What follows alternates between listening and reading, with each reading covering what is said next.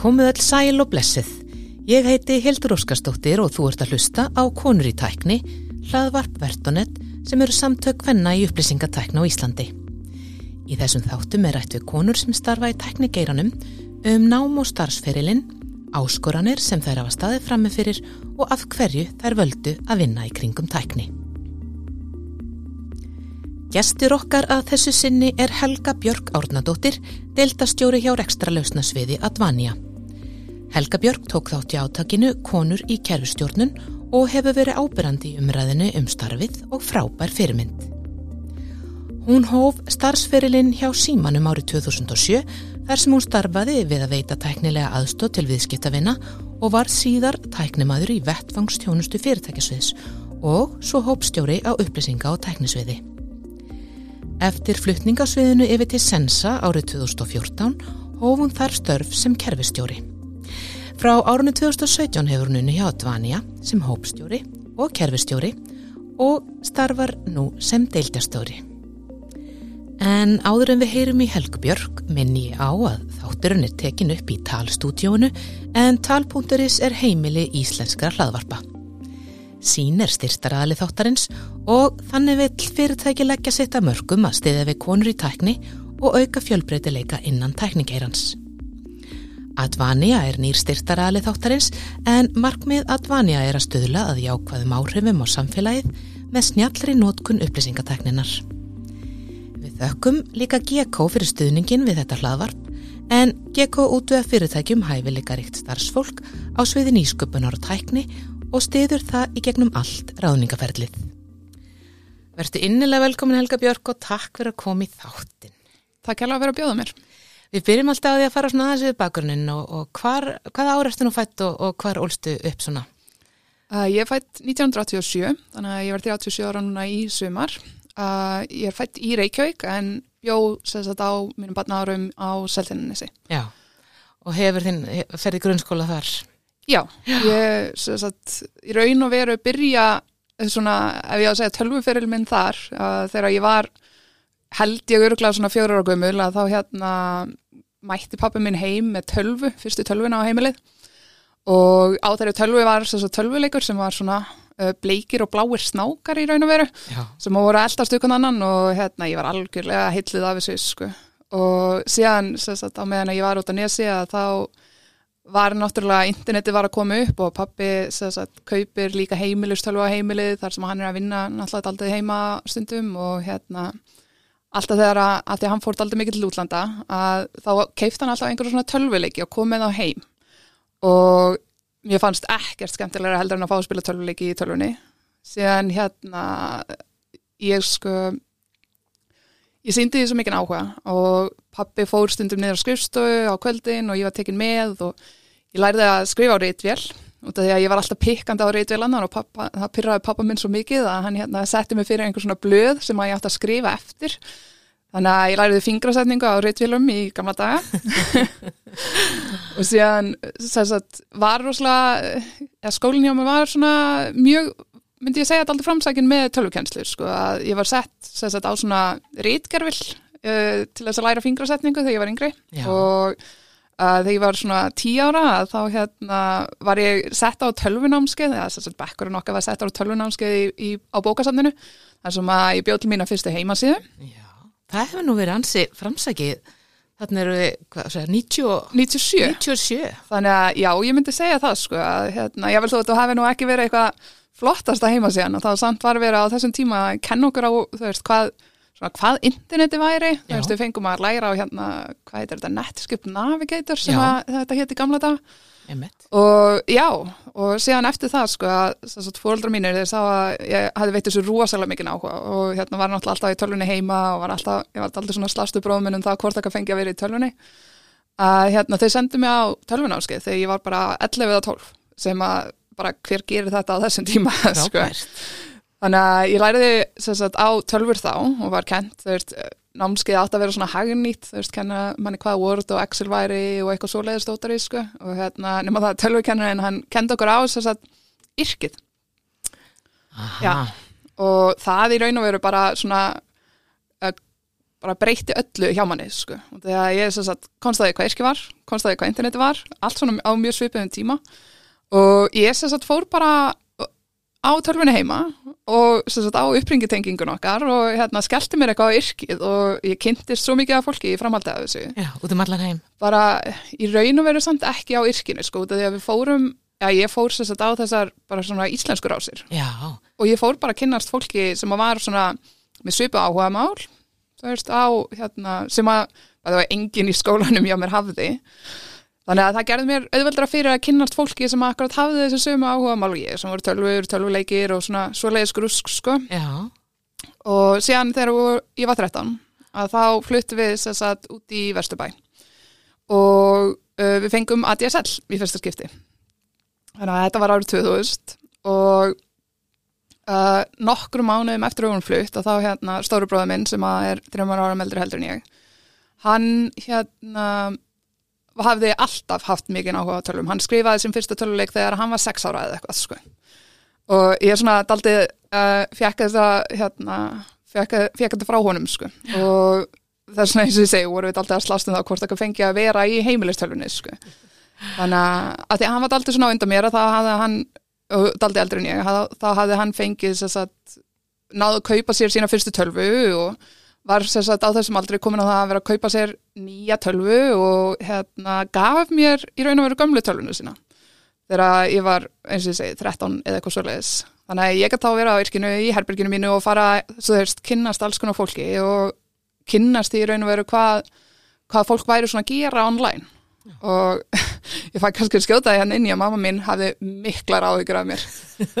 Maður er bara alveg búin að missa þig í ekkert. Já, mér finnst þess að fyndi að hugsa tilbaka það sko hvað hérna hvað hann hafði mikla áhyggjur af því að ég væri nú bara að hitta eitthvað, eitthvað svona skringilegt lið á internetinu en það var alls ekki þannig sko, þetta, Samaburði við hlutin í dag. já, nákvæmlega hugsaður. þannig að ég sem sagt um, kynnist fullt af fólki þarna og fyrir að spila Counter-Strike út frá þessu og ég hitti fullt af fólki þetta er allt fólk bara á mínum aldri ég er náttúrulega orðin aðeins eldri en orðin svona 15 ára gömul eða eitthvað svoleiðis og fyrir sem sagt bara að spila tölvuleiki með einhverju fólki á internetinu eins og þetta var og hérna það er bara, þá var þetta heila bara aldrei búið sko, það var, var aldrei neitt annað sem að mér fannst vera eitthvað áhugavert eða skemmtilegt heldur en að, að vera að gera eitthvað svona tölvutengt sko. Nei. Og skólinn hefur svona eitthvað að einhverju leiti stutt við þetta allavega þannig eins og varst að tala um Já, áðan. klálega, þarna til að byrja með allavega sko. síðan hérna þegar ég fór í, í hérna hagaskóla í áttundabæk að þá var nú ekki það var ekki alveg eins framsækið námið þar þegar að koma þessu sko. þannig að ég hérna kláraði að hagaskóla og, og síðan var ég eiginlega svona hægt að pæli því hvort þetta væri eitthvað sem var hægt að, að læra sem, sem alveg nám sko. veist, þetta, ég hafði bara kynst þessu á einhverjum svona sérnámskeum og einhverjum fykti og endaði á því sko að fara bara í einhverja allt aðra átt þegar ég fór í mentaskóla og endaði þess að á hárgræslubraut í innskólanum. Já, emmitt, býti nói. Hvað Rosalega var ekkert annað nám sem, Ég sem veit, einhvern veginn hefði það tegin á þessum tíma? ég, bara, ég veit ekki af hverju, ég hugsaði ekki út í það að fara bara á, veist, í tölvubraut Já. í yðnó. Það var nú alveg í bóðið. Það var alveg í bóði og ég bara, ég veit ekki alveg hvað gerðist þarna á þessum tíma en ég sem sagt klára heilt ár í hárgræslu og síðan komst ég að því að sem sagt, ég þyrfti að fara og vinna sem nemi uh, í heilt ár áður en ég gæti fengið að halda áfram reyndi að finna mér einhverjum svoleiðisvinnu komst að því að það var bara það var, uh, já, ég held að það hafi verið þú veist, 300 kalla klukkutíman eða eitthvað fyrir, fyrir svona na- fyrir nema á þessum tíma sko.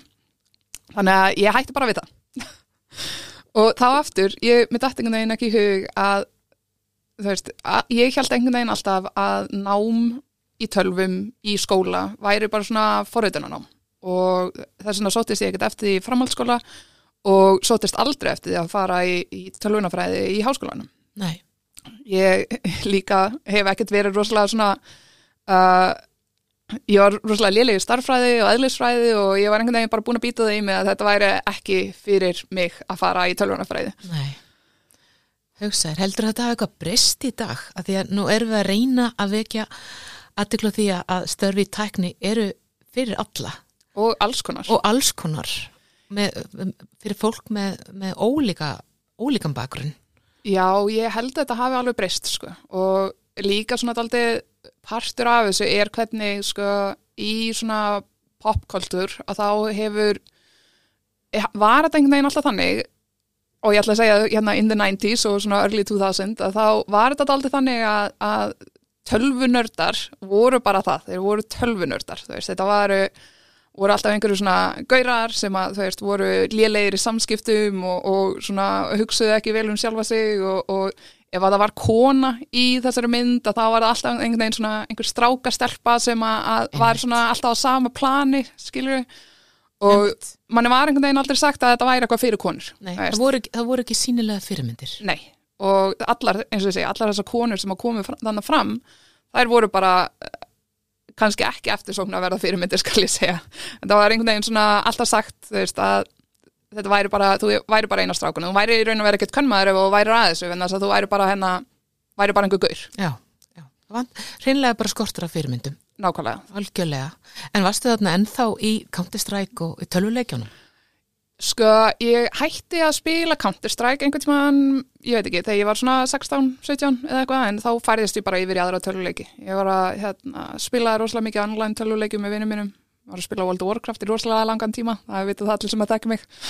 og já, ég, þetta er ennþá talsvört stórpartur af svona mínum frítíma að hérna, ég reyndar að spila ekki á online leiki með mikið af fólki lengur en uh, ég og maður minn spilum tölvuleiki alveg talsvört oft saman sko. Já, já, já, frábært og hérna þarna að ok, þú, þú, þú er komin úr þú hættir, hættir að vera hárgræslu kona ég, ég vissi þetta ekki, mér finnst það mjög magna sko. nei, nei, en ég menna en, en eitthvað hefur örgulega lært sem hefur nýst eitthvað tíma setna Já, Læri maður ekki alltaf á öllu sem maður hérna Jú, ég, menna, ég klippi hárað á manninu mínum Já, sko. Þetta eitthvað nýtist þetta.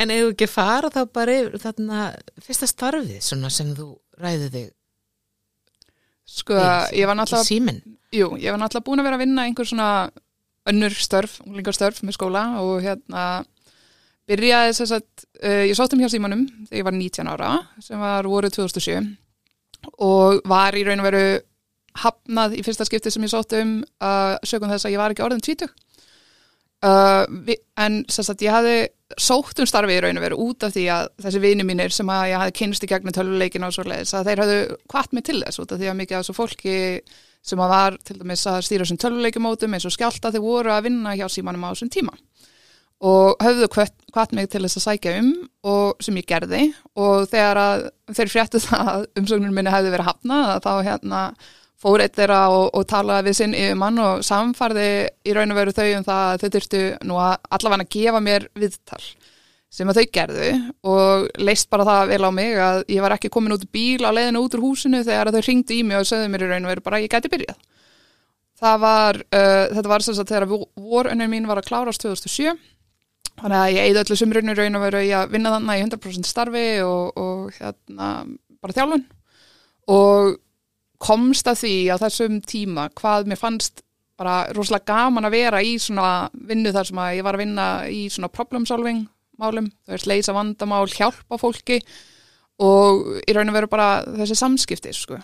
Og ég kynnti svo mikið af fólki í vinnunni hjá símanum, það var svo rosalega mikið af mismunandi fólki sem er að vinna þarna í 807.000 að ég bara, ég gæti að hugsa mér að, fara eitthvað annað sko, þannig að ég var þarna í tvö ár, var að vinna þarna til 2009 og tók sérstaklega þá ákvarðun að uh, flytja til útlanda á þessum tíma, við flyttum til Los Angeles í eitt ár og ég í rauninu verið fann mig ekkert þar og kemur bara tilbaka voruð 2010 og enda á því að bara hafa samband við minn fyrir miðumann hjá símanum og var byrjuð að vinna aftur þar eftir tvær vikur. Við vorum bara býð eftir að losnaða plass og ég geti komið tilbaka. Þannig að ég held þar áfram í næstuði tvö ár, eða rúmlega tvö ár held ég og var komin sérstaklega á þann stað, ég var að sinna svona vaktarstjórnun á um helgar þegar það voru yngir aðri hópstjórar, ég var að sinna kennslu fyrir nýliða, mm -hmm. var bara hjálpa til og, og svona taka að mér svona ábyrðastöður og ég hafði sótt um tvær svona, þú veist, áframhaldandi stöður þannig að sem að ég hafði ekki fengið. Þannig að ég ákvað í raun og veru á þessum tímapunkti þegar mér bauðist það að bara skipta um gýr og fara yfir á fyrirtækjum síðsímans og í kjölfæra á því, ég byrjaði þar í ágúst 2011 að þá komst ég að því hvað rekstur tölvukerfa er. Og byrjaði í raun og vera að vera svona kerfistjóri innan gæsalappa þar og ég var uh, var að vinna í símsörun bara til að byrja með og ég held að ég hafi ekki náð heilu ári í símsörun áður en að ég komst í það að vera í svona second level eins og þetta hétt þá mm. þar sem að ég var að sinna vettástjónustu og, og uppsetningum og þetta var bara með því skemmtilegra sem ég hafði einhvern tíma gert ég, veist, ég var að setja upp tölfur og, og var að laga vandamál og var að veist, skipta mér á einhverjum tölvukerfum og mér fannst þetta bara æði. Þetta var bara það skemmtilegasta sem ég hef gert sko. Já, þetta er bæði svona hardware og software eitthvað Já, Já, og þetta var vettánstöðunum parturinn af starfunu var rosalega mikið svona setja upp tölfur, fara með þær til nótenda hjálpa til með farsíma sem voru þeim tíma og maður reyka rosalega mikið að Blackberry símum á þessum tíma. Og hérna bara svona alls konar fara út um allt og gera alls konar og kynnast rosalega mikið af fólki á meðan maður var að því. Og það er aftur eins og ég segi mjög skemmtilegu partur af starfin er hvað þú færða kynnast rosalega mikið af fólki sem er að gera alls konar á meðan að, að þú ert að gera svona þitt sko. Já, og þannig erst að læra, læra, læra. Alveg, að, já. og það er bara, ég held líka einna, uh, eina á ástafanum fyrir að ég er ennþá að gera þetta núna 17 árum setna að hérna maður er endalust að læra, þú hættir aldrei að læra. Það er hver einn og einn einasti dagur er mismunandi, það er eitthvað nýtt okkur um einasta degi, hvort það er nýtt vandamál eða hvort það er nýtt þekking eða nýjar lausnir eða nýjar hugmyndir það er alltaf eitthvað nýtt. Já, og í sem hraða sem við lifum í dag það, það er ekkit annað sem er í bóði Nei, nákvæmlega. Ah, Og þú hérna, er það njóð símunum þanga til að, að deildinurinn saminuð sensa? Já, það passar. Uh, við vorum búin að fara í gegnum nokkra skipulagsbreytingar. Eins og hérna, stórum fyrirtækjum á Íslandi er, er það með að þá þarf að gera skipulagsbreytingar á sex mánuða fresti. Þannig að við vorum orðin á þessu tíma ekki lengur fyrirtækjasviði heldur uh, upplýsingatæknisviði símans held ég að það hafi verið á þessum tíma sem var þá sagt, færst yfir til sensa sem var dóttu fyrirtækja símans á þessum tíma. Og Uh, þetta var tilkynnt þarna í oktober 2014 og saminningin á að eiga sér stað að þreymum mannum setna um áramátin og ég var uh, var að vinna í vettánstöðnustunni en ég var uh, eða ég var að vinna í vettánstöðnustunni að nafninu til. Ég var búin að vera að sinna kerfistjórnun meira og minna bara í ár út af því að ég var eiginlega alltaf í húsi. Og ég svona lappa upp að yfirmannunum þannig á svæðinu og svona tilkynnu honum það bara núna ætlum ég bara að fara yfir í kerfistjórnununa og ég meni byrja þar hérna bara frá og með um áramáttin og hérna þetta er bara það sem við ætlum að gera hérna í frá. Og hann var bara, nú ok, og ég var bara, já og síðan heldum við bara þannig áfram Já um, Ég, þess að þegar ég byrjaði að sensa þá fór ég að tók ég að mér uh, meðal annars uppsendinguna á nýja innræðumkörnum hjá Sensa. Ég tók þátt í uppsendinguna á uh, verkbókalds og tímaskráningarkerfinu. Við vorum að koma sérstaklega úr þreymir mismunandi uh, verkskráningarkerfum og það þurfti að það var enginn sem að hérna, vildi halda áfram í neinu þeirra. Þannig að það var bara tekin ákvörnum að setja upp nýtt. Síðan var ég alls konar verkefni þannig. Ég var að sinna auðvitað, kerfistjórnun og var að sinna svona innleðingar verkefnum í alls konar. Við vorum að taka yfir fyrirtæki í hýsingu, við vorum að setja fyrirtæki í Office 365 svona þessum tíma uh, og endaði á því rétt aðra en að ég hætti að færa bæði síman og sensa í Office 365. Þannig að þetta voru mjög mismunandi verkefni og uh, ég kynnist rosalega mikið af fólki á þessum tíma sem að ég náða að taka einhver af þau með mér í vill að vanja en hérna fannst rosalega gaman að, að bara fá að sinna þessu öllu og, og mér leiði einhvern veginn aldrei eins og þetta væri eitthvað ekki starf fyrir konur. Nei, en þú, hef, en þú varst þú að mikið alltaf eina konan. Það er nefnilega máli. Ég var alltaf einn. Það er símanum Já. og svo þannig að sensa. Já. Já, og ég, maður lendi í alls konar sko. Um, það var á sínu tíma, þá vorum við að vinna uh, þegar við vorum í vettvarstjónustina það voru svona lúa sem að hérna, fólk hatt komið upp á að dingla. Og ég lendi í einu sinni að tvisar að kom einhver upp að, að lúinni og dinglaði og vildi fá einhver aðstóð með síma eða tölvu eða eitthvað og ég fer, fer til dýra eins og maður segir. Já. og manneskjarnar svona horfir á mig og segir við mig bara já, bara get ég fengið aðstóð hérna með síman og ég bara, já, hva, hvernig get ég aðstóðið og ég bara nei, get ég, get ég fengið einhvern kallmann til aðstóða mig og þau horfðu bara svona nei, Nei. ég hef bara einin á svæðinu, ég get aðstofað þig, hvað get ég aðstofað með? Og fólk verður rosalega vandræðilegt en, en að ég skulle hafa dótt í huga að segja þetta til að byrja með er, síðan spyrjum mig hvað, hvað gerist, sko. Já, hugsaðir. Vonandi hefur þetta nú, vonandi hefur þetta breyst, en ég, já, ég veit það ekki hvort að, Maður getur ekki að lofa því en ég, hérna, eftir að ég hætti í ásensa og hætti þess að í þessari stöðu að ég hef aldrei lendi þessu aftur. Nei. Þannig að það eru átta ár síðan. nákvæmlega. En þú ert þarna kerfistjóri hjá Sensa, varst á þessum tímapunkti búin að fara í gegnum ykkur svona, þú veist, allar þessar vottana sem hættir að fara í gegnum, Já, þess að þegar ég var hjá uh, símanum að þá fjekki það tækifæri að fara á í svona kerfistjórnunám hjá Próment ok, sem að mér fannst vera æðislegt. Ég fór með uh, einu vinu mínu sem var ekki að vinna sem sagt hjá símanum, heldur var að vinna annars þar, mannviti eða eitthvað álíka á þessum tíma og fer með honum á þetta námskeið og við bara nutum okkar mjög vel og enduðum að því að skilja loka verkefni sem að fekk hæstu engununa í af öllum sem að voru í náminu á þeim tíma og mér fannst þetta bara mjög skemmtilegt. Ég endaði að taka uh, server 2008 vottun í framhaldið þessu, jésus, það er langt síðan. Og hérna og já, ég myndi klálega að mæla með því, það var rosalega mikið sem að læriði og hérna já, ég endaði reyndar á því að fara aftur síðan uh, í svona uppfært nám nokkrum árum setna hjá Próment uh, og þá fór ég í svona kerfistjórnuna brautina sem var allan veturinn sko. Ég endaði reyndar á því að taka bara setni partinn sem var Microsoft námið en það er það sem að ég var farin að vinna við og var svona farin að læra á en þessi námsefnið og, og svona rammin í kringu það hefur mér alltaf fundist rosalega skemmtilegur en þess að þú færð að setja upp svona, svona þín eigin umhverfi og færð að búa til og leysa alls konar svona scenario og þetta er bara já, og skiptir engum máli hvað, hvað engun og það er í starffræði eðlisfræði eins og við Nei, nákvæmlega.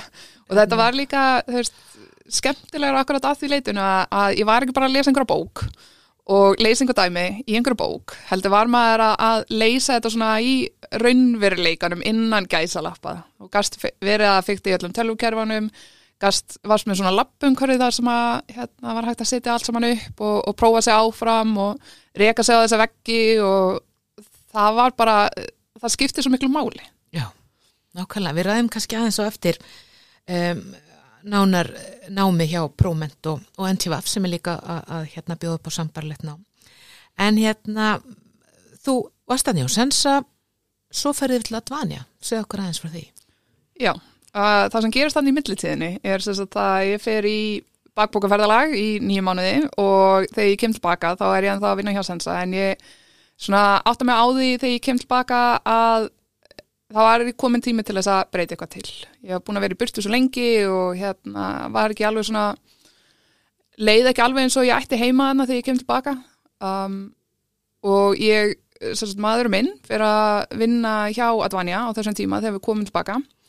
Og hann er á einhverju svona vinnuhitting, ég fer og hitti hann, kynnust fólkinu sem hann er að vinna með og leist bara rosalega vel á það og þeir í raun og veru byggðu mér í viðtal í kjálfæri á því, ringdu í mig uh, nokkrum döðu setna og byggðu mér í viðtal.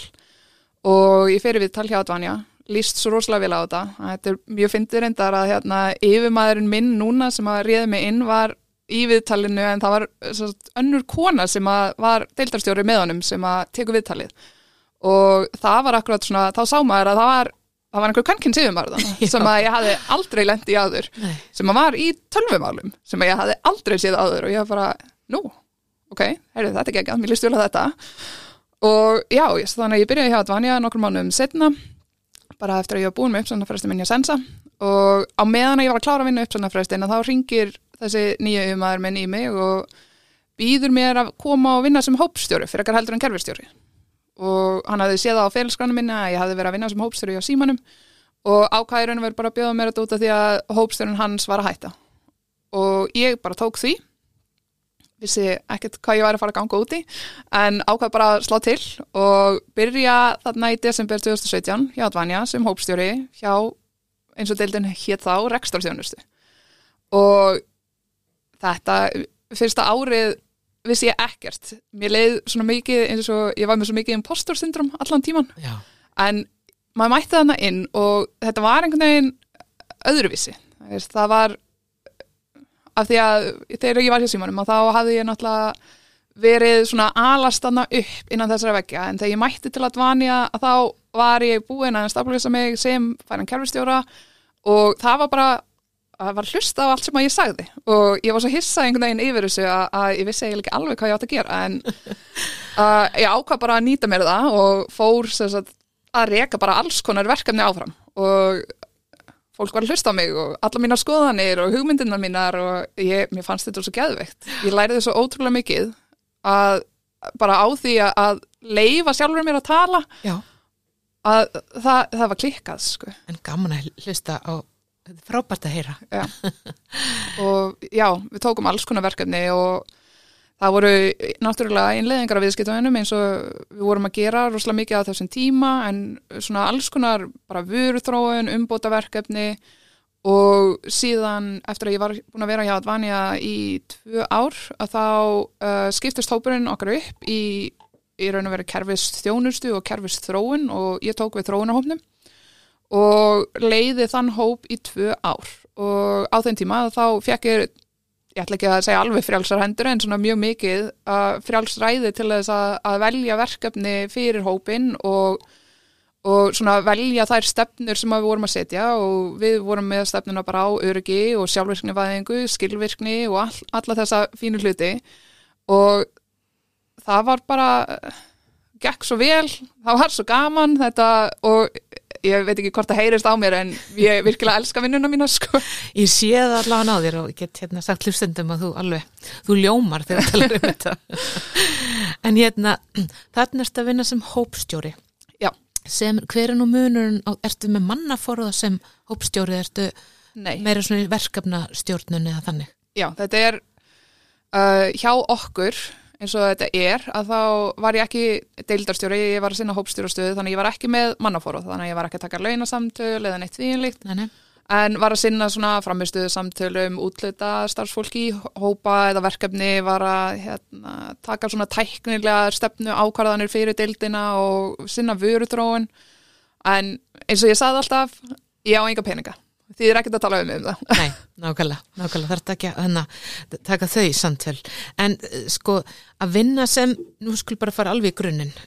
Bara ef, ef einhver sem veit ekkert hvað kerfistjóri gerir og ennsku er þetta kallað DevOps og oft er þetta svona það er oft svolítið erfitt að þýða þessi þessi, kom að segja, þýðingin frá íslensku yfir ennsku en ég held að þetta sé bara kerfistjóri er DevOps, Sko- er það ekki rétt hjá mér? kerfistjóri er kalla, kallast yfirleitt að ennsku systems administrator. System admin. Já, en uh, það eru system administratorar, það er kerfistjórar sem er að vinna í DevOps-sóknum þannig að Ok, þetta eru gott að við bara já, það sé bara hérna, komið á reynd Þetta eru- til, ég var ekki eins og með þetta þetta eru, það eru mörg mismunandi, hópar innan kerfistjórnunar og er, það er rosalega mikið af sérhafingum í búði. Að Við erum með notendað þjónustu, þetta er kerfistjórnun þar sem þú ert að sjá um rekstur netþjóna og kerfa sem er keiranda þessum netþjónum.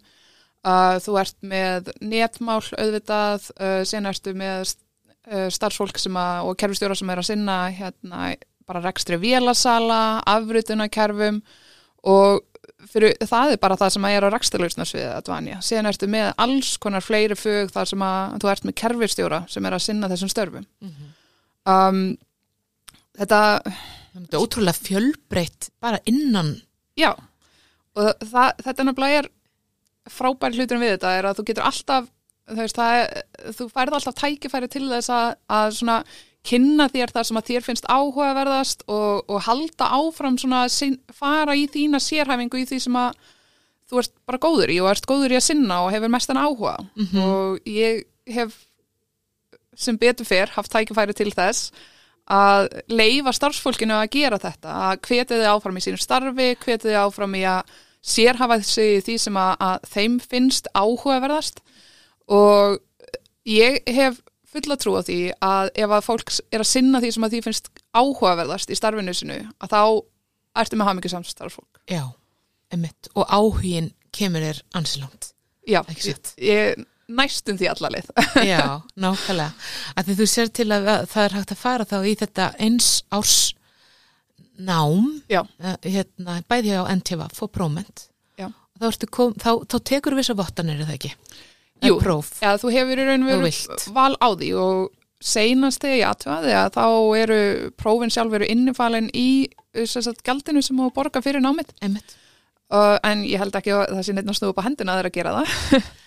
En uh, námið sjálft er uh, rosalega svona yfirgrifsmikið. Þú byrjar í, í grunnnámi þar sem að þú ert að læra bara grunninn á því hvað tölfur og, og net eru, bara algjörlega grunninn Mm og ferð síðan uh, í að læra bæði Microsoft kerfistjórnun og svona netstjórnun þar sem þú ert að læra uh, á bara netbúnað og, og svona routing and switching eins og þetta kallast og þetta námið náttúrulega er sett svona upp til þess að þú, þú sem einstaklingur getur komist að því hvað þér finnst vera áhugaverðast við námið Einmitt. Af því að eins og ég segi, þetta er svo rosalega mikið af fögum sem eru innan þessara greinar sem að kerfistjórnun er að það er engin leið fyrir það að horfa á það hvað kerfistjóri er og segja já, þessi gaur er að gera þetta bara þegar og ég sé það bara út frá nafninu eða. Einmitt.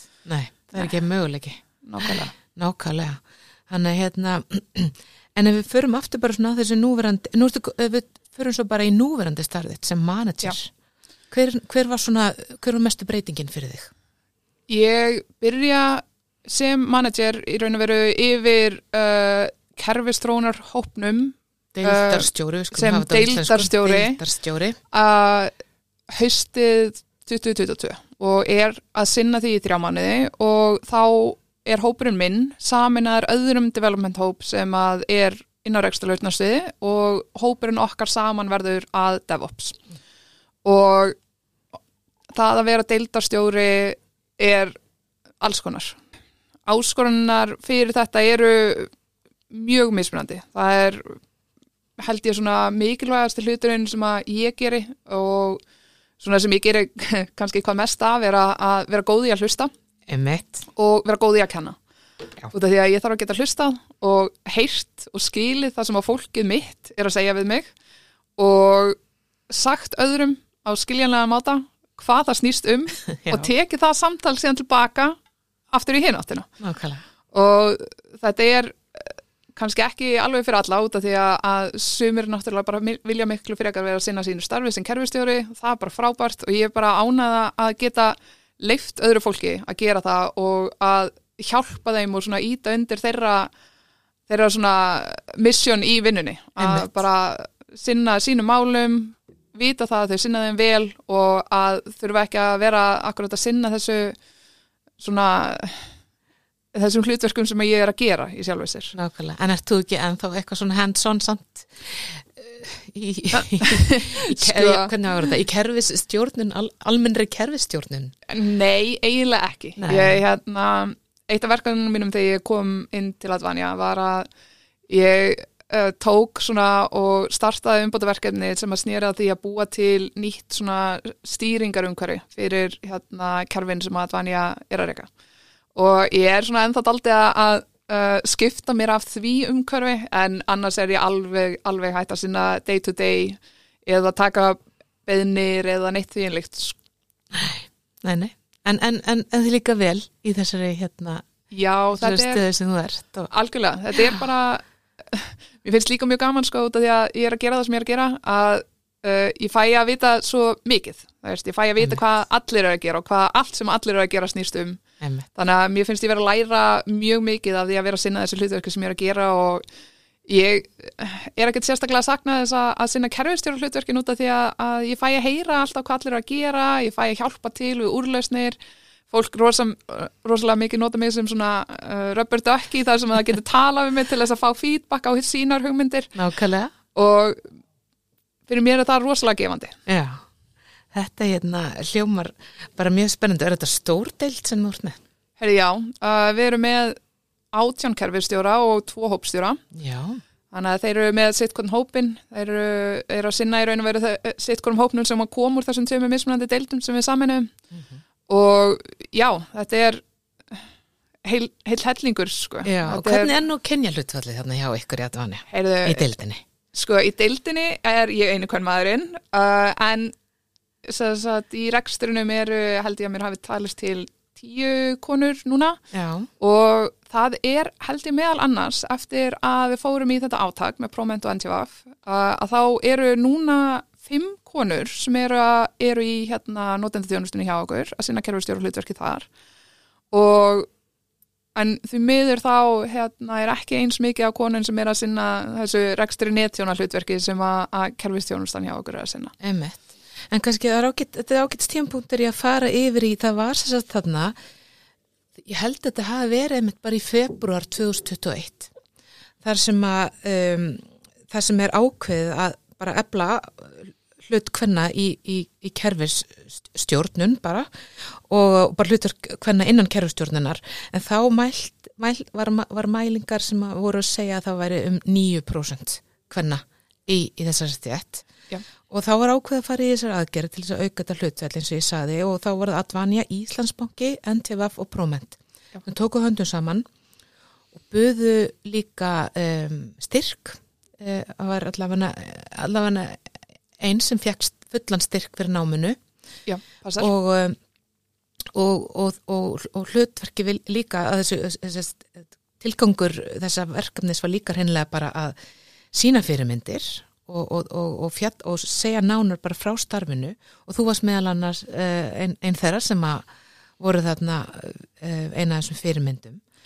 Og það var ég, sagt, ég lasi viðtalið sem að byrtist einmitt í vísásum tíma að það voru svona mestalagi oft þrjárkonur og hverju önn hjá bæði próment og NTVF eitthvað svo leiðis en fór ansi hátt eftir átakið og um, ég tók ég hafði samband í morgun bæði við Próment og NTVF og fekk svona tölur frá þeim og, og þetta hafði verið með svona hlutfalli sjö, alveg frá 0% í rauninni á hverju önn hjá þeim upp í svona mest 25% fyrir átakið. En 2021 þá eru bæði NTVF og Próment voru að ná hlutfalli hvenna uh, upp í 35-36% Þetta er 2021. Í dag, um, þetta er svolítið rokkandi eftir hérna, eftir önnum en það er ennþá að fara alveg neyri null á önn núna. En, en sömar annir, þetta er svona annarskipt voru haustan, þeir upp í 20, 25% ekki mikið meira en það. Þetta sýnir bara hvaða er mikilvægt að halda þessu samtali gangandi. Greinilega, sko. Það er, það er oft þannig að það er ekki nóg að gera bara eitt stórst áttak eins flott að það var og ég var mjög stolt að það eru vinnu sem að gerði kringu það að við megum ekki gleyma því að það gildir í raun og veru bara í þetta eina ár sem að, að þú ert auðvitað Greinilega, tölurnar eru að segja okkur það sko. Nákvæmlega og það þarf bara að halda þessu við það er ekki mikið af fólki sem að hefur ekki einhvern sem að þekkir sem er í þessum geira eða eitthvað þýnlíkt sem að veit einu svona af því að kerfistjórnun er til sem fag Nákvæmlega. og ekki vera að kenna ungu fólki í, í skólum þetta eitthvað svona sérstaklega Nei. það er alltaf bara að vera að tala um náttúrulega forröðun og, og tölvunafræði og kerfistjórnun er ekki partur af því þannig að þetta vantar bara vantar vittneskuna um þetta hjá fólki. Algjörlega og líka þú getur aflustur með mjög fjölbreyttan bakgrunn farandi í þetta ársnám Já. og fá í rauninni rosalega í rauninni flott réttindi til þess að sækja um stöður í tækni fyrirtækjum Algjörlega, þetta er og bara fyrirtækjum, stór fyrirtæki eru með þetta innan sinna raða Það eru mjög mikið af fólki sem ég er að vinna með sem eru náttúrulega bara tölvunördar uppaldir eins og ég er en það er líka rosalega mikið af fólki sem er að koma bara úr alls konar um, Ég var þegar ég var nýbyrjuð hérna hjá uh, fyrirtækjusveðinu að þá kynntist ég strauk sem að var að vinna með mér þannig og hann hafði farið í kerfistjórnunum ám hjá Próment uh, eftir að hann hafði rökklast úr starfinu sinu sem smiður í kreppunni. Hugsa sér, já. Og það eru alls konar svona sögur sem að, að ég get sagt og þetta er ekkert bara fyrir ungt fólk, þetta er fólk á alls konar aldri. Það eru, það eru ég ætla að segja krakkar, sorry, sem að eru alveg frá 20 og upp úr sko en ég er líka að vinna með fólki sem er komið allalegin á hinvendan og, og er svona að horfa það hvernig það á að fara á eftirlegin sko.